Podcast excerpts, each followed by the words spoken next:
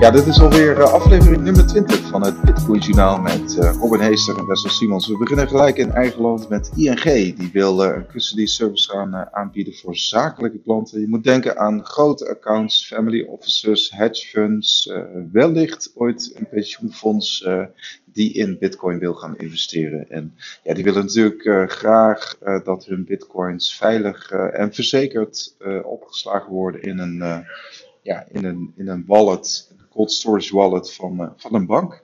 Ja, we zien toch deze nieuwe, of nieuwe, ja, het zijn toch nieuwe spelers eigenlijk hè, op, in de crypto, uh, op de cryptomarkt, Robin. Oude nieuwe spelers eigenlijk, hè? ja. Je ziet uh, met die nieuwe regels die in 2020 ingaan voor, tegen het witwassen. Ja, dat er een x aantal partijen daar moeite mee hebben. En het lijkt erop dat de oudere partijen uit de financiële wereld juist zoiets hebben van... hey, nu zijn de regels duidelijk. Nu kunnen we ook uh, gaan kijken naar Bitcoin services in Nederland. Ja, ja, het lijkt dat het nieuws een beetje uit uh, Duitsland is overgewaaid. Hè? Dat, uh, dat je als bank of financiële instelling mag je dus nu ook um, ja, met deze asset iets gaan doen. Uh, volgens mij mochten ze dat al langer, maar het is, het is meer dat het, dat het nu, ja, het komt steeds meer in het nieuws. En ze zien toch dat, dat, dat um, ja, die markt zich een beetje gaat, uh, gaat uh, vormen, zeg maar. Dus dat er steeds meer spelers op die markt komen. We hebben natuurlijk ook de Solarisbank in het nieuws gehad deze week. Dat, dat, daar zit de ABN AMRO dan weer in als een minderheidsaandeelhouder. Ja, dan is de link met Nederland snel gelegd. Ja, ik denk dat het wel belangrijk is om te zeggen van ja, dit is niet per se waar Bitcoin voor staat natuurlijk. Van hey, kom je Bitcoin lekker stallen bij een centrale grote bank en uh, beleg in Bitcoin via ons. Maar ja, tegelijkertijd, als je kijkt naar de traditionele financiële wereld, die zijn eigenlijk gewend dat hun assets grotendeels beheerd worden door een x aantal partijen. En niet dat ze handmatig, in het geval van Bitcoin, met een hardware wallet of een code of andere manieren van opslaan aan de slag moeten zelf. Dus ik denk eigenlijk dat het een soort van uh, ja, overbrugging is of zo. Ja, kijk, deze markt is natuurlijk altijd retail-driven geweest, zoals dat, uh, zoals dat heet. Dus er zijn gewoon heel veel ja, particulieren die gewoon op eigen initiatief bitcoins hebben gekocht. En weet je, voor hun is het gewoon ja, relatief makkelijk om zo'n hardware wallet te starten natuurlijk. Op te starten en, en zelf te onderhouden. Maar goed, je hebt natuurlijk een heel ja, oude financiële wereld die die dit allemaal nog niet ontdekt heeft. En, uh, en ja, die vallen terug op, op, op industry uh, graded services, heet dat dan altijd. Hè? Heel, heel uh, met mond vol, maar um, ook wel logisch, hè? want ja, bedrijven, grote beleggers, family offices, die willen ook bijvoorbeeld dat een cryptovaluta verzekerd is. Nou, dat, moet je ergens doen. Dat moet je ergens bij een derde partij uh, doen. Dat wil men uh, niet zelf doen. Um, dus ja, daar zit een hele industrie omheen. En ja, banken zijn daar ook een soort van logische partij in. Hè? Omdat zij als custody uh, partij vertrouwen het ons maar toe. Um, ja, ze hebben ervaring genoeg in ieder geval. Ja, dat, natuurlijk. Dat staat een soort van lijnrecht tegenover inderdaad het idee dat, dat we zelf onze banken kunnen spelen. Maar dat, dat heeft volgens mij gewoon te maken met, met, uh, met de retailmarkt. Gewoon als jij als particulier wil dat. Ja, nou, ik denk ver... dat uh, de nuance zit hem vooral denk ik in dat je bij Bitcoin heb je gewoon de keuze. Van stel dat je zo'n uh, zo'n family office bent met weet ik veel. Stel dat je 5 miljoen euro aan Bitcoin hebt dan kun je ervoor kiezen om dat bij een uh, partij onder te brengen. Maar je kunt er ook voor kiezen om inderdaad gewoon zelf de opslag te doen. Want zo heel ingewikkeld is dat niet. En ik denk dat dat wel belangrijk is, dat het gewoon een, uh, een keuze is. Ik denk dat ING, hoe je het ook bent of keert, gewoon ook geld ruikt. zo simpel is het ook. Het heeft niet veel te maken met uh, goed willen doen of iets. Nee, nee, ze zien dat gewoon als een soort nieuwe, nieuwe kans in de markt. Hè. Zo moet je het zien. Het is een bedrijf die wil winst maken en dat is ook allemaal niet erg. Maar uh, uh, inderdaad, nou ja, de, de, grote vraag is of, um, de, of de markt ook voldoende uh, tools geeft en voldoende informatie geeft aan een family office om, hè, om dan vervolgens te besluiten nou, laten we het allemaal zelf gaan doen. Hè? Dus daar, daar zit, dat zit ook nog wel iets tussen. Dat, dat stukje educatie, denk ik, richting dat soort partijen. Ja, ik weet niet wat bij jou zit, maar als ik een grote Bitcoin-transactie doe, dan ben ik ook nog steeds zo van: oh, tik ik het wel goed in? Je checkt het, weet ik het hoeveel keer. Nou, moet je nagaan als het over die gigantische bedragen gaat, of zelfs met geld wat niet eens van jou is, maar je het in beheer hebt. Ja, ja jij, jij stuurt regelmatig wel een bitcoin, eh, of 10 bitcoin, toch? Of? Nou, 10 bitcoin uh, zeker niet, maar uh, een paar tientjes. Of, uh, ik heb ook wel eens een aankoop gedaan voor een paar honderd euro. Daar houdt het ook wel op. Ja. Ik heb niet eens 10 bitcoin, even voor de duidelijkheid. nee, ik ook niet. Ik ook niet. nee, dus, dus kijk, grote transacties, dan heb je het dus inderdaad over die ene transactie van die, wat was het, 95 miljoen of zo. ja, je had er ook eentje van 95.000 bitcoin. Ja, die bedoel uh, ja. Die, of 93.000, eh, iets boven de 90.000 in ieder geval. En uh, ja, die verstuurden het inderdaad in één transactie naar een nieuw adres. Het kan dat dus was iets van bijna een miljard, volgens mij een miljard dollar of zo. Dacht ik. Ja, ja. gewoon de prijs van bitcoin keer dat. Hè. Dan kom je een heel eind in ieder geval. het is flink wat knaken. ja. En ja, kijk, dat toont ook aan, vind ik wel, van... Um, het kan ook op die manier ik sta niet echt te springen om die ABN AMRO en andere banken services. Maar tegelijkertijd, als je kijkt wat voor partijen ehm, er nu met grote bitcoin in hun kas zijn, dan zijn banken misschien wel een logische extra mogelijkheid als je die lijst bekijkt met gewoon de grote exchanges die eigenlijk nog niet zo oud zijn en nog een relatief klein track record hebben. En, en, waarom sta je niet te springen dat een bank of een verzekeraar uh, nou, als ik voor mezelf kijk, um, ja, ik zie, ik zie zeg maar, meerwaarde voor het ecosysteem, zie ik. Want je kunt beter of makkelijker misschien beleggen in Bitcoin. Maar um, eigenlijk zijn dit allemaal tools vanuit uh, de, wereld, de financiële wereld die we nu kennen. Gewoon je geld ergens opslaan. Of, je hmm. of je vermogen ergens op laten, laten slaan en laten beheren. En dan toegepast op Bitcoin. Maar Bitcoin zorgt er juist voor dat het relatief makkelijk is om dat zelf te doen. Dus het druist er tegenin. Maar tegelijkertijd, uh, ja, Bitcoin is gewoon ondertussen een, uh, uh, in ieder geval een bekend iets binnen de finance wereld. Dus het is, het is logisch dat iedereen gaat kijken hoe ze op hun eigen manier hier iets mee gaan doen. Ja, ja kijk, ik, ik denk ook, net zoals met alles, dat, dat het heeft gewoon aparte deelmarkten, zeg maar. Je zult wel een soort markt krijgen van non-custodial wallets bijvoorbeeld. Dus eigenlijk wallets die zich helemaal aan de regelgeving gaan onttrekken, zeg maar. Dus die, die heel erg hechten aan privacy. Ja. Uh, je, je, gaat dan een groep particulieren krijgen die, die misschien uh, niet graag met een bank zaken willen doen, maar gewoon uh, met andere partijen, weet je wel. Een jonge, hippe start-up met wie ze gewoon graag zaken ja. willen doen in plaats van een grote bank. Eh, en, en dan heb je natuurlijk grote partijen, inderdaad. Uh, stel dat het metaalfonds in Nederland zegt van nou, we willen wel misschien ja, 1% van onze, van, van onze, al die miljarden willen we misschien, ik noem wat, 1 miljoen steken in bitcoin. Ja. Uh, ja. Ja, dan is dat een, een makkelijkere manier om dat straks via een bank of via een andere grote instantie te doen dan eventjes inloggen bij de lokale cryptobeurs en uh, een order zetten. Want die wordt natuurlijk en niet gevuld en die wordt heel erg duur. Ja, en, en tegelijkertijd uh, moeten ze ook gereguleerd worden, net zoals een bank en een verzekeraar. Hè? Dus het, het, ze krijgen concurrentie op het marktvlak en ze krijgen ook vanuit de overheid uh, een druk opgelegd om gereguleerd te worden. Ja. Dus het is eigenlijk een dubbele, er komt nu een soort dubbele tsunami op en af. En, uh, nou, ze hadden eerst het uh, klassieke first mover advantage. Gewoon, uh, er was niks op de markt. Dus iedereen die er op tijd is ingesprongen, die kon een bepaald stukje van de markt pakken. Ja, nu, zijn, nu wordt het echt concurreren, denk ik. Nog harder dan dat het al was. Precies, dus dan, waar ik dan aan denk van nou, ze zullen bijvoorbeeld op commissiepercentages moeten gaan concurreren. Dat is bij sommigen nu 1% commissie hè, voor elke trade. Nou, daar ga je denk ik wel wat, wat, wat in zien. Dat, dat mensen daarmee gaan, uh, gaan, gaan spelen, zeg maar. Uh, ze zullen aanvullende ja. diensten moeten ontwikkelen. Hè? Dus je zult misschien ook brokers gaan krijgen die uh, gaan samenwerken met wallet providers. Of, of andere soorten, soorten diensten. Custody services. Voor de, voor de klant is zeg maar die nieuwe regelgeving op het gebied van privacy eigenlijk vrij vervelend.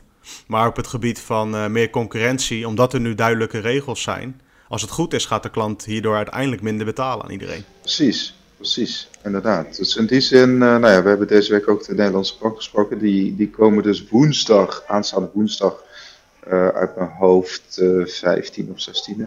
Komen ze inderdaad 18. Ja, oké. Ja, heel goed. Dan eh, komen ze dus met een nieuwe, met nieuwe informatie over wat nou precies de regelgeving gaat kosten. Hè? Dus, dus, dus cryptobedrijven moeten zich gaan uh, committeren aan uh, ja, de wet uh, op uh, financiering van witwassen en, en hoe heet het?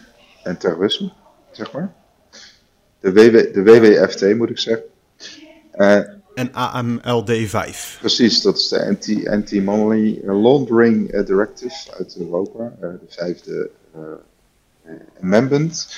Um, nou ja, goed, daar moeten ze aan voldoen. Dus dat, dat, en banken ook. Hè. dus, en, maar het is een beetje ongewis waar, wat voor kosten ze moeten rekenen per, per bedrijf. Hè. Dus, je hebt ongeveer 10 tien uh, bedrijven in Nederland die hebben aangegeven, nou wij willen door, we willen geregistreerd worden bij de DNB, we willen onder toezicht gaan staan van de DNB, dat, dat behelst nogal wat, hè, want die gaat echt wel monitoren erop, die gaat echt wel inspecteren en controleren. Dat wordt misschien een beetje onderschat, maar dat, dat is toch best wel een, een heftig regime, zeg maar, kun je zeggen. Um, ja, dat kan haast niet anders. Nee.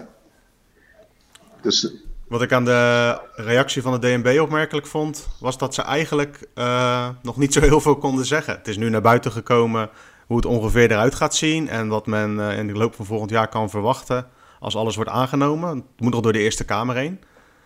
Um, maar ja, de kosten zijn dus nog niet bekend.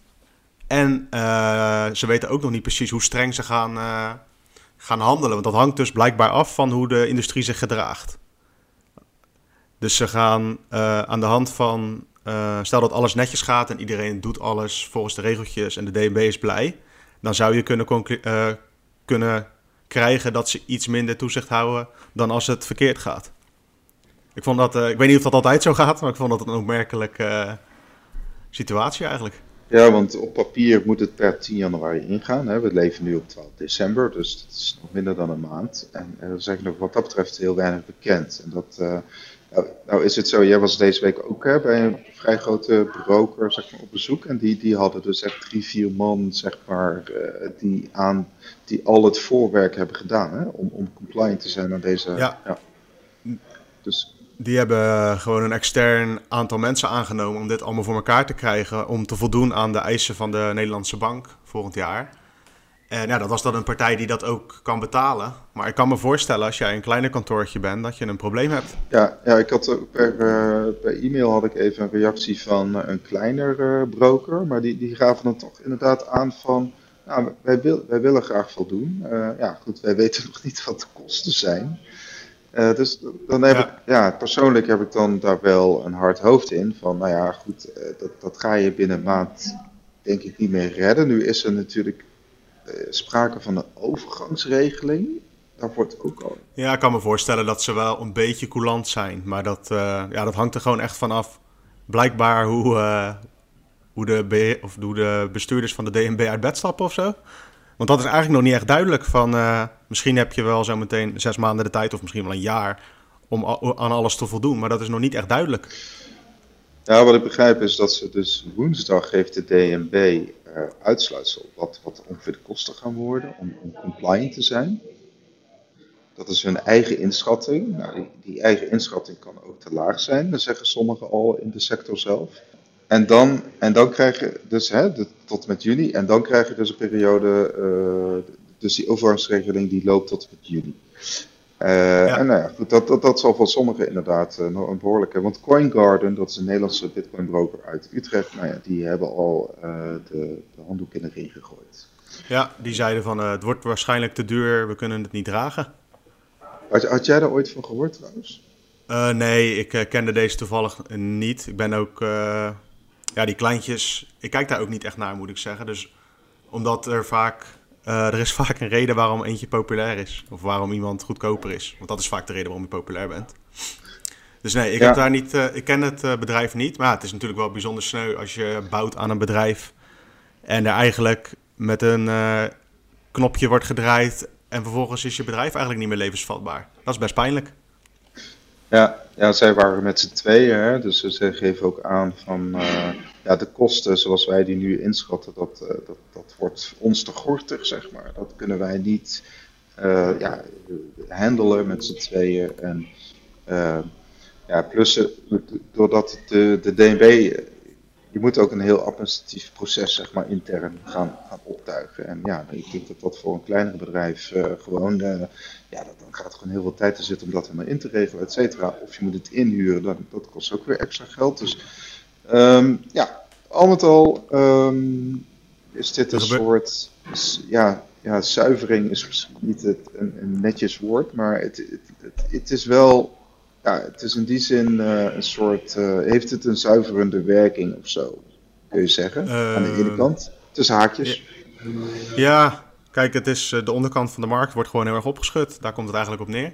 Ja, ja dat is beter. En, ja. Um, ja, ik weet niet of dat de intentie is, ik denk het wel. Want ja, des te minder partijen je hebt in Nederland, des te makkelijker het voor, in dit geval de DNB is, om het allemaal in de gaten te houden.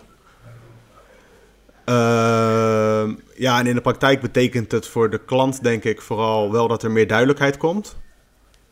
Maar wel dat er uh, flink wordt, uh, moet worden ingegeven op je privacy op het moment dat je straks Bitcoin aankopen gaat doen. En ja. dat is wel de vervelende kant. We hebben het nu over ja. de uitwerking op de industrie. Maar voor jou als persoon, want dat, dat gaf de DNB ook nog aan. Van uh, ja, die gegevens mogen wij straks delen met bijvoorbeeld de Belastingdienst waarschijnlijk. Ja. En nou kun je ook zeggen van ja, je moet geen belasting ontduiken en dat soort dingen. Maar het wordt natuurlijk met meer partijen gedeeld dan alleen de Belastingdienst. Ja, het gaat dus ook naar de FIOD, hè, dat is onderdeel van de Belastingdienst. En je hebt ook de Financial Intelligence Unit. Uh, dat, dat is eigenlijk een, dus weer een, een, een, ja, eigenlijk een soort opsporingsdienst speciaal voor de financiële sector, zeg maar. Ja. Die, die kijkt uh, naar de witte, bo witte borden criminaliteit, kun je zeggen. Ja. Um, ja, dus, dus feite komt erop neer, dat is ook al bijvoorbeeld in Denemarken aan de gang, hè, waar we over gesproken hebben, dat um, ja, elke transactie, zeg maar, die jij met een, een exchange hebt gehad, uh, die, uh, daar kan de Belastingdienst van, van vragen aan jou dat, dat, dat, dat je die gaat opgeven. Dat, dat je in ieder geval die ja. informatie uh, paraat hebt.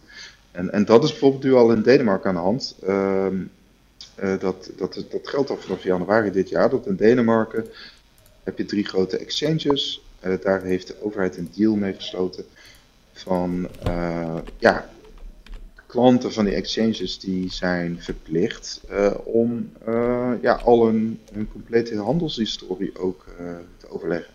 en dat, ja goed, dat, dat is nogal wat. Ja, goed, voor mij, ja, als ik, als ik naar mezelf kijk, rond 2017 had je natuurlijk een bepaald soort gekte was er aan de hand. Dat, ja. dat er was, weet je wel, dat, dat alt, die altcoin was toevallig via Cryptopia te koop, weet je wel, of die, ja, dus, ja. weet je wel, en, en dus da, daar, moet je, daar, daar moet je dus een hele persoonlijke administratie, dat moet gewoon goed op orde zijn. Hè? Wil jij, uh, want je loopt toch risico dat ze gaan, uh, dat ze gaan controleren. En je kunt er niet op speculeren, wat wij nu ook bijvoorbeeld in de groepchat uh, hebben, hebben meegemaakt, dat mensen zeggen ja, maar ja, de Belastingdienst is toch onderbezet. En ja, dat, daar, daar mag je absoluut niet van uitgaan, zeg maar. En vooral niet bij een nieuwe asset. Nee, dat is niet aan te raden. Daarmee lig je gewoon onder de loep. Ja, eens.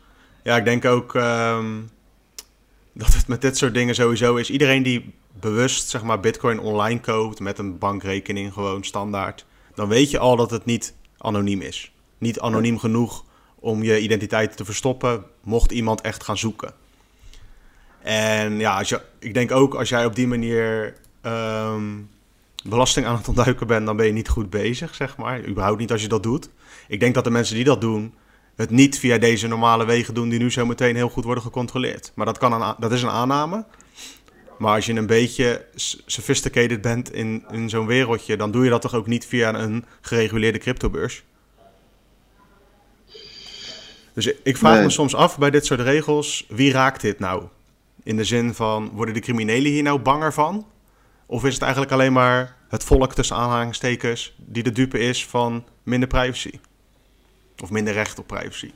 Ik, ik denk, maar ja goed, nogmaals, is op persoonlijke titel, dat, dat sowieso criminelen in het algemeen veel meer geïnteresseerd zijn in cashgeld. Omdat dat gewoon anoniem is.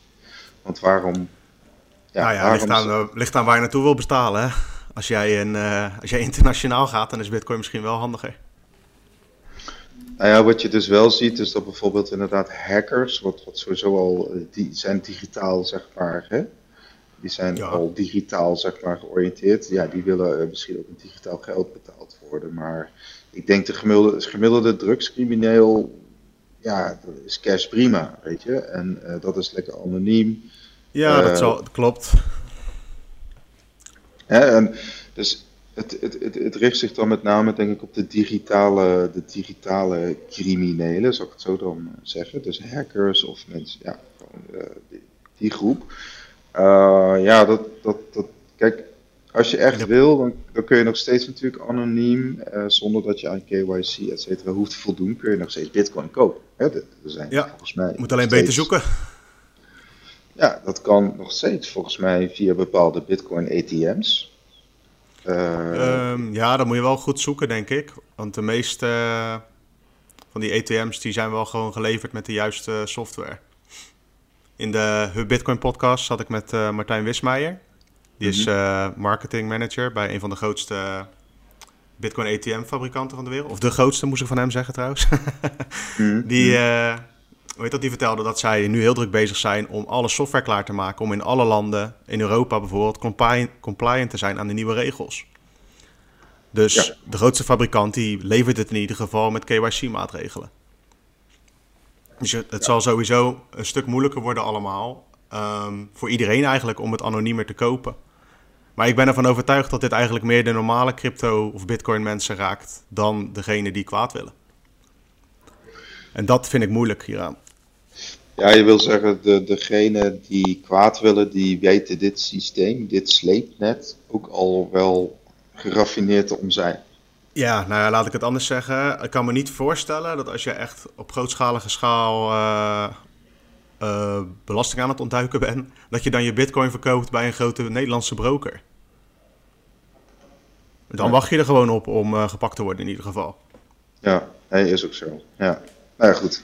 Voor het grote publiek, ja, get your shit together. Ik bedoel, je moet inderdaad gewoon je persoonlijke administratie, denk ik wel, ja, op orde, uh, als dat, dat niet gebeurd is. Maar goed, in principe, door die nieuwe wet uh, kan de DNB eh, van een exchange of een broker waar jij je bitcoin koopt, vragen om die data, die klantendata, ja, te delen met... Ja. Um, en, en, en, daar zit wel de echte angel zeg maar, van, dit, van deze wet, is dat ja, alle data het is niet zo dat er is een verdachte, uh, er is een verdachte uh, transactie. We gaan van die en die klant de data delen. Nee, het is zeg maar in het ontwerp van de wet kan iedereen, alle data worden bij default, kunnen die zeg maar gedeeld worden. Ja. dus, en dat, bij voorbaat verdacht. Dat noemen ze dan de sleepwet. En daar kun je dus echt ernstige vraagtekens bij zetten. Of dat de, de manier is vanuit een centrale, uh, ja, vanuit de centrale macht, zeg maar. Om op die manier uh, dit aan te vliegen. Hè? En op die manier, zeg maar, ook een nieuwe innovatieve sector, zeg maar, uh, ja, ja, toch, toch enigszins, nou, niet de nek om te draaien, maar wel, ja, wel, zeg maar, een, een, inderdaad wat je zegt. Dus, dus ook kleine bedrijfjes, die redden het hierdoor niet. Nee, die kunnen over, beter over de grens gaan kijken. Dat is een beetje de conclusie van... Uh, kijk maar of er een, uh, een land is in de buurt... of misschien wel gewoon heel ergens anders... die qua regels wat soepeler, soepeler is. En die zijn er. Dan kun je weer afvragen of in die landen wel weer weer ondernemen. Maar dat is een andere discussie. Ah, bijvoorbeeld trouwens, waar, waar, oh, waar, jij zeg maar zelf ook gebruik van maakt, bijvoorbeeld GetBitter. GetBitter is natuurlijk een vrij uh, easy service, hè? dus dat is gericht op uh, ja, mensen die gemak zoeken. ja. Hè? Ik bedoel, je hebt gewoon automatisch een kasso, je krijgt gewoon je bitcoin netjes in je wallet. Nou, hetzelfde een leuke service daarom. De, nou, ik zag in de chat inderdaad dat de oprichter ervan, die besluit nu om naar Zwitserland te gaan en in Zwitserland te gaan ondernemen en, en dus niet in Nederland. Nou, dat is op zich best zonde, zeg maar, dat iemand ja, zo'n besluit moet nemen. Dat is de uitwerking van dit soort regels. En ja, daar kan iedereen van vinden wat hij vindt. En ik vind het op dit moment, uh, hoe het er nu naar uitziet, denk ik dat het best wel een klap is. Ook gewoon voor de ontwikkeling in Nederland aan zich, zeg maar. Qua Bitcoin-industrie. Want ja, misschien kan je dan dus inderdaad beter naar Zwitserland. Ja. Trouwens, nog even voor de mensen die hun boekhouding nog niet op orde hebben. Bij de meeste exchanges en brokers waar je ooit wat gedaan hebt, dan kun je gewoon je gegevens opvragen. Want als het goed is, houden ze dat al grotendeels bij voor zichzelf. Alleen straks moeten ze het ook nog delen met bijvoorbeeld de Nederlandse bank? Ja, ja, nee, inderdaad. Volgens mij bij de meeste kun je zo vrij makkelijk in, in het dashboard zeg maar, eh, nagaan wat je allemaal hebt gekocht. Ja. Uh, en dan ga je soms huilen. Um, even kijken. De, de, Amsterdamse, Amsterdamse, de Amerikaanse uh, belastingdienst komt ook met een formulier. Hè? Dus de IRS is ook bezig om zeg maar in hun land. Uh, en in Amerika is het zo dat je over uh, alle transacties met bitcoin belasting moet betalen. Hè? Dus kijk, in Europa is het zo van als jij met bitcoin je koffie afrekent, dan zit er geen btw op. maar in Amerika is het volgens mij is, is, is alles wel redelijk getaxt, zeg maar. Dus ook. Oké, verschilt dat niet per staat? ja, dat zou ook goed kunnen. Dat denk ik wel. Je hebt bijvoorbeeld Wyoming. Dat mhm. schijnt helemaal eh, de Bitcoin blockchain uh, spot van eh, Amerika te willen worden. Die hebben waarschijnlijk andere regels dan een strenger gereguleerde staat. Maar goed, de Belastingdienst daar die is dus druk iedereen aan het contacteren om hun Bitcoin fondsen netjes op te geven, toch? Ja, ja dat zijn er dan 10.000 inderdaad. 10.000. En in, in Denemarken ging het om 20.000. ja, ik denk dat die 10.000 laag geschat is. ja, ja, inderdaad. Volgens mij is Amerika ook het grootst qua nodes. Dit, dus- dit gaat dan uh, om 10.000 brieven uh, uh, naar cryptobezitters, maar dat zijn dan mensen die van CryptoBurst Coinbase, nou heeft Coinbase echt wel iets van 20 miljoen accounts. Maar dit, dit, ik denk dat dit al iets een, een, iets gerichtere mail mailing is, zeg maar. Hè? Dus dat dit, dit zijn zeg maar uh, ja, misschien mensen die al eerder zijn aangeschreven. Uh, en dat dit een soort uh, her, ja, herinnering is of zo. Het is in ieder geval inderdaad 10.000 is niet veel. Um, ja goed, we zitten gewoon in een fase dat een nieuwe opkomende industrie zeg maar wordt gewoon verder gereguleerd. Ja, dus dat, daar zitten we gewoon in.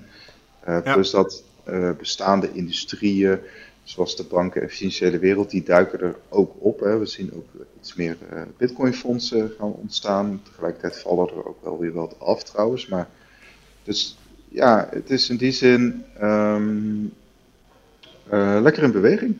Uh, lekker in beweging. En nu gaan we even naar het volgende onderwerp. Je had ook nog iets over Argentinië ingeschoten, Robin. Ja, een klein uh, nieuwtje was Local Bitcoins. Die verbrak weer een nieuw record qua volume. In de eerste week van december van dit jaar ehm, werd er voor 22 miljoen Argentijnse pesos aan Bitcoin verhandeld. Dat is omgerekend slechts 332.000 euro. Slechts doe ik tussen haakjes, want het is in Argentinië zo dat ze daar heel erg last hebben van hoge inflatie. Dus voor hun is dit gewoon heel veel geld, eigenlijk al. En wat je ziet uh, bij local bitcoins is dat er eigenlijk steeds meer interesse komt in de handel van persoon naar persoon in bitcoin in Argentinië. Het zijn nog geen miljoenen Argentijnen die nu allemaal aan de bitcoin gaan. Maar je ziet wel een, een stijgende lijn in het volume daar. En ja, dat heeft gewoon te maken, denk ik, met de onrust in het land. Want het is daar op zijn zacht gezegd ook een puinzooi. Ja. Uh, ja, het land wordt gewoon geteisterd door, uh, door, door, een crisis. Met uh, de voedsel, voedselkortingen is, is, een voedseltekort is er. Er, zijn, uh, er is dus sprake van hoge inflatie op de lokale munt. En ze krijgen binnenkort een nieuwe president.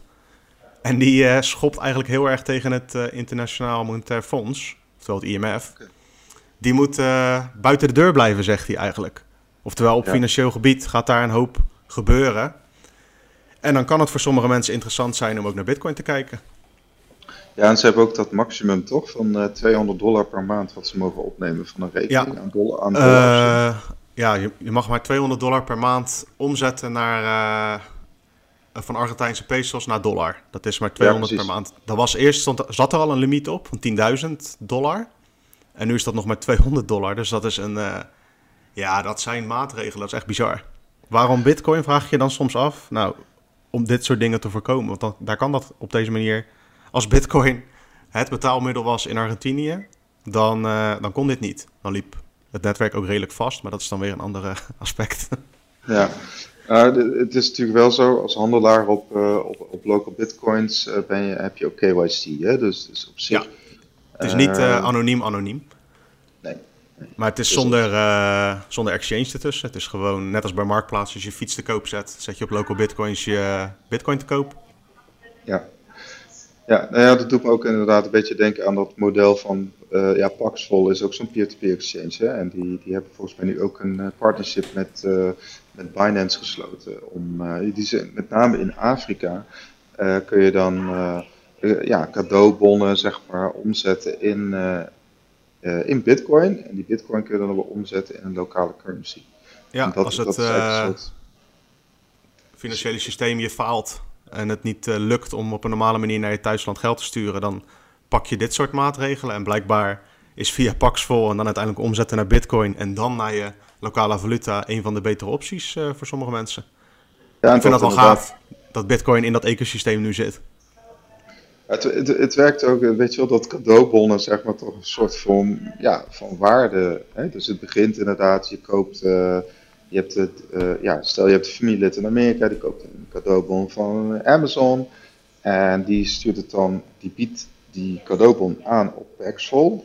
En, die, en, en, en, dat kun je dan weer uh, omruilen in bitcoin. Ja. En vervolgens wordt, uh, wordt die bitcoin omgeruild in, uh, in de lokale currency van ja, Zimbabwe of Nigeria, et cetera.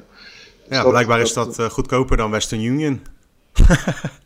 ja, ja, dus je zou zeggen, Paxful is een soort moderne, ja, decentrale uh, Western Union, zeg maar. Maar goed, dat is echt een enorm... Dat zover zou ik niet willen gaan. Het is in ieder geval een leuke uh, optie. Ja. ja. Interessant. Nou ja, goed. Het is, even kijken. En dan hadden we ook nog dat berichtje van burgerijen. Ja, we blijven toch een beetje in, in het buitenland. Even kijken, een paar jaar geleden, dat was 2017 uit mijn hoofd, toen is er een, uh, ja, een, een, een, behoorlijke bende op, En daar zijn uh, dus 200, meer dan 213.000 bitcoins ja, in, in, in beslag genomen bij deze bende. Um, ja, wat deden ja. zij? zij? Zij kochten douaneband om. Daardoor konden ze zeg maar bepaald malware installeren zeg maar, op, op de systemen van verschillende douane, douane ja, in, van verschillende landen, Bulgarije, Griekenland, Roemenië, Macedonië, Servië. Daardoor konden ze zeg maar al die importen van bepaalde, bijvoorbeeld drugs of bepaalde andere dingen, konden ze zeg maar ja, beïnvloeden. Hè? Gewoon onderscheppen zeg maar. Onderscheppen inderdaad, en, daar, dat werd, en, en die opbrengst daarvan, die, en die drugs werd verkocht en die opbrengst die werd van cash weer in bitcoin omgezet. Ja. ja. een vrij geraffineerd systeem. Uh, destijds ging dat over 500 miljoen dollar en inmiddels is dat bedrag in dollars 1,6 miljard. Oh. Ja, 1,6 miljard. Ja, die 1,88 dat is zeg maar de, dus zeg maar de hoeveelheid goud die Bulgarije heeft. Dus ze hebben nog iets oh, ja. meer goud. En, ja. Uh, ik las ook geruchten over uh, dit bericht dat uh, op de crypto twitters dat ze het al deels of helemaal verkocht zouden hebben, die bitcoin. Mm. dus dat moeten we misschien nog even nachecken. Maar wat het eigenlijk, het is wel, dit is wel bizar natuurlijk, dat een land zoveel bitcoin in kas heeft. Waarschijnlijk is dat een record. Ja, nee, precies. De, de, de, ik bedoel, de FBI die had 170.000. Hè? Dat heeft dan grotendeels Tim Draper uh, van zo overgekocht. Uh, ja. Maar, uh, dus, maar goed, interessant. Um, even kijken. Hadden wij nog een ander berichtje? ik denk dat we er wel zijn. Ja, volgens mij wel. We hebben weer uh, lang genoeg geluld, zou mijn vader zeggen. nou, op zich die anonieme Bitcoin developer, die krijgt salaris van Square Crypto. Die oh, had jij gisteren of zo nog getikt? Ja, dat is van Square Crypto is dat. Dat is een onderdeel van Square. En Square heeft weer de Cash App. Mhm. En daar verkopen ze heel veel Bitcoin. De CEO Jack Dorsey, die overigens ook CEO is van Twitter, die wil met uh, dat onderdeel van zijn bedrijf, dus met uh, Square Crypto, Bitcoin helpen. Gewoon aan het open source protocol bouwen. Nou, daar neem, heeft hij nu een x aantal mensen voor aangenomen, onder andere uit de stal van Google en Facebook Libra heeft hij het een en ander, of heeft hij iemand aangenomen. Daarnaast nog een paar Bitcoin ontwikkelaars. En er komt nu nog een nieuwe bij. En dat is iemand die anoniem blijft. En dat is eigenlijk het opmerken aan het nieuwtje. Uh, die persoon die ontwikkelt al twee jaar voornamelijk uh, aan Lightning. Mm En die krijgt nu uh, een toezegging van een x-bedrag elk jaar om gewoon lekker aan Lightning te bouwen. Onder de vlag van Square Crypto. Hij kan zijn baan opzeggen, stond er. En hij kan dus nu gewoon fulltime in plaats van in de avonduurtjes keihard bouwen aan Bitcoin. En dat is eigenlijk een nieuwe stap in de trend die we langzaamaan zien, is dat de bedrijven die baat hebben bij Bitcoin ook een klein deel van hun uh, uh, resources inzetten om eh, Bitcoin verder uit te laten bouwen door ontwikkelaars. Ja, ja ik, ik vind het super gaaf om te zien dat wat, wat die Dorsey allemaal aan het doen is. Hij gaat ook volgend jaar een aantal maanden in Afrika wonen, zeg maar. Hij is bezig om een soort decentraal Twitter of zo, wil hij ook gaan testen. Ja, laat dat eerst maar eens zien. Precies. En, maar, uh, nee, het is wel mooi om te zien dat zo'n bedrijf, hè, toch 250 miljoen gebruikers op Twitter, dat, uh, dat die uh, ook gewoon het Bitcoin-ecosysteem, zeg maar, ja, soort van ondersteunen. Ja, hij doet dat vanuit Square, hè? Niet vanuit Twitter. Nee, oké. oké. Maar goed, dat, toch? Dat zou de volgende stap zijn. Dat hij Bitcoin gaat integreren in Twitter. Ja. Nou ja, we gaan het allemaal meemaken. In ieder geval, uh, dit was uh, aflevering nummer 20 van uh, Bitcoin Journaal. met Robin Heester en Simons. We wensen jullie nog een fijne week en tot de volgende keer. Yes, later. Hoi hoi.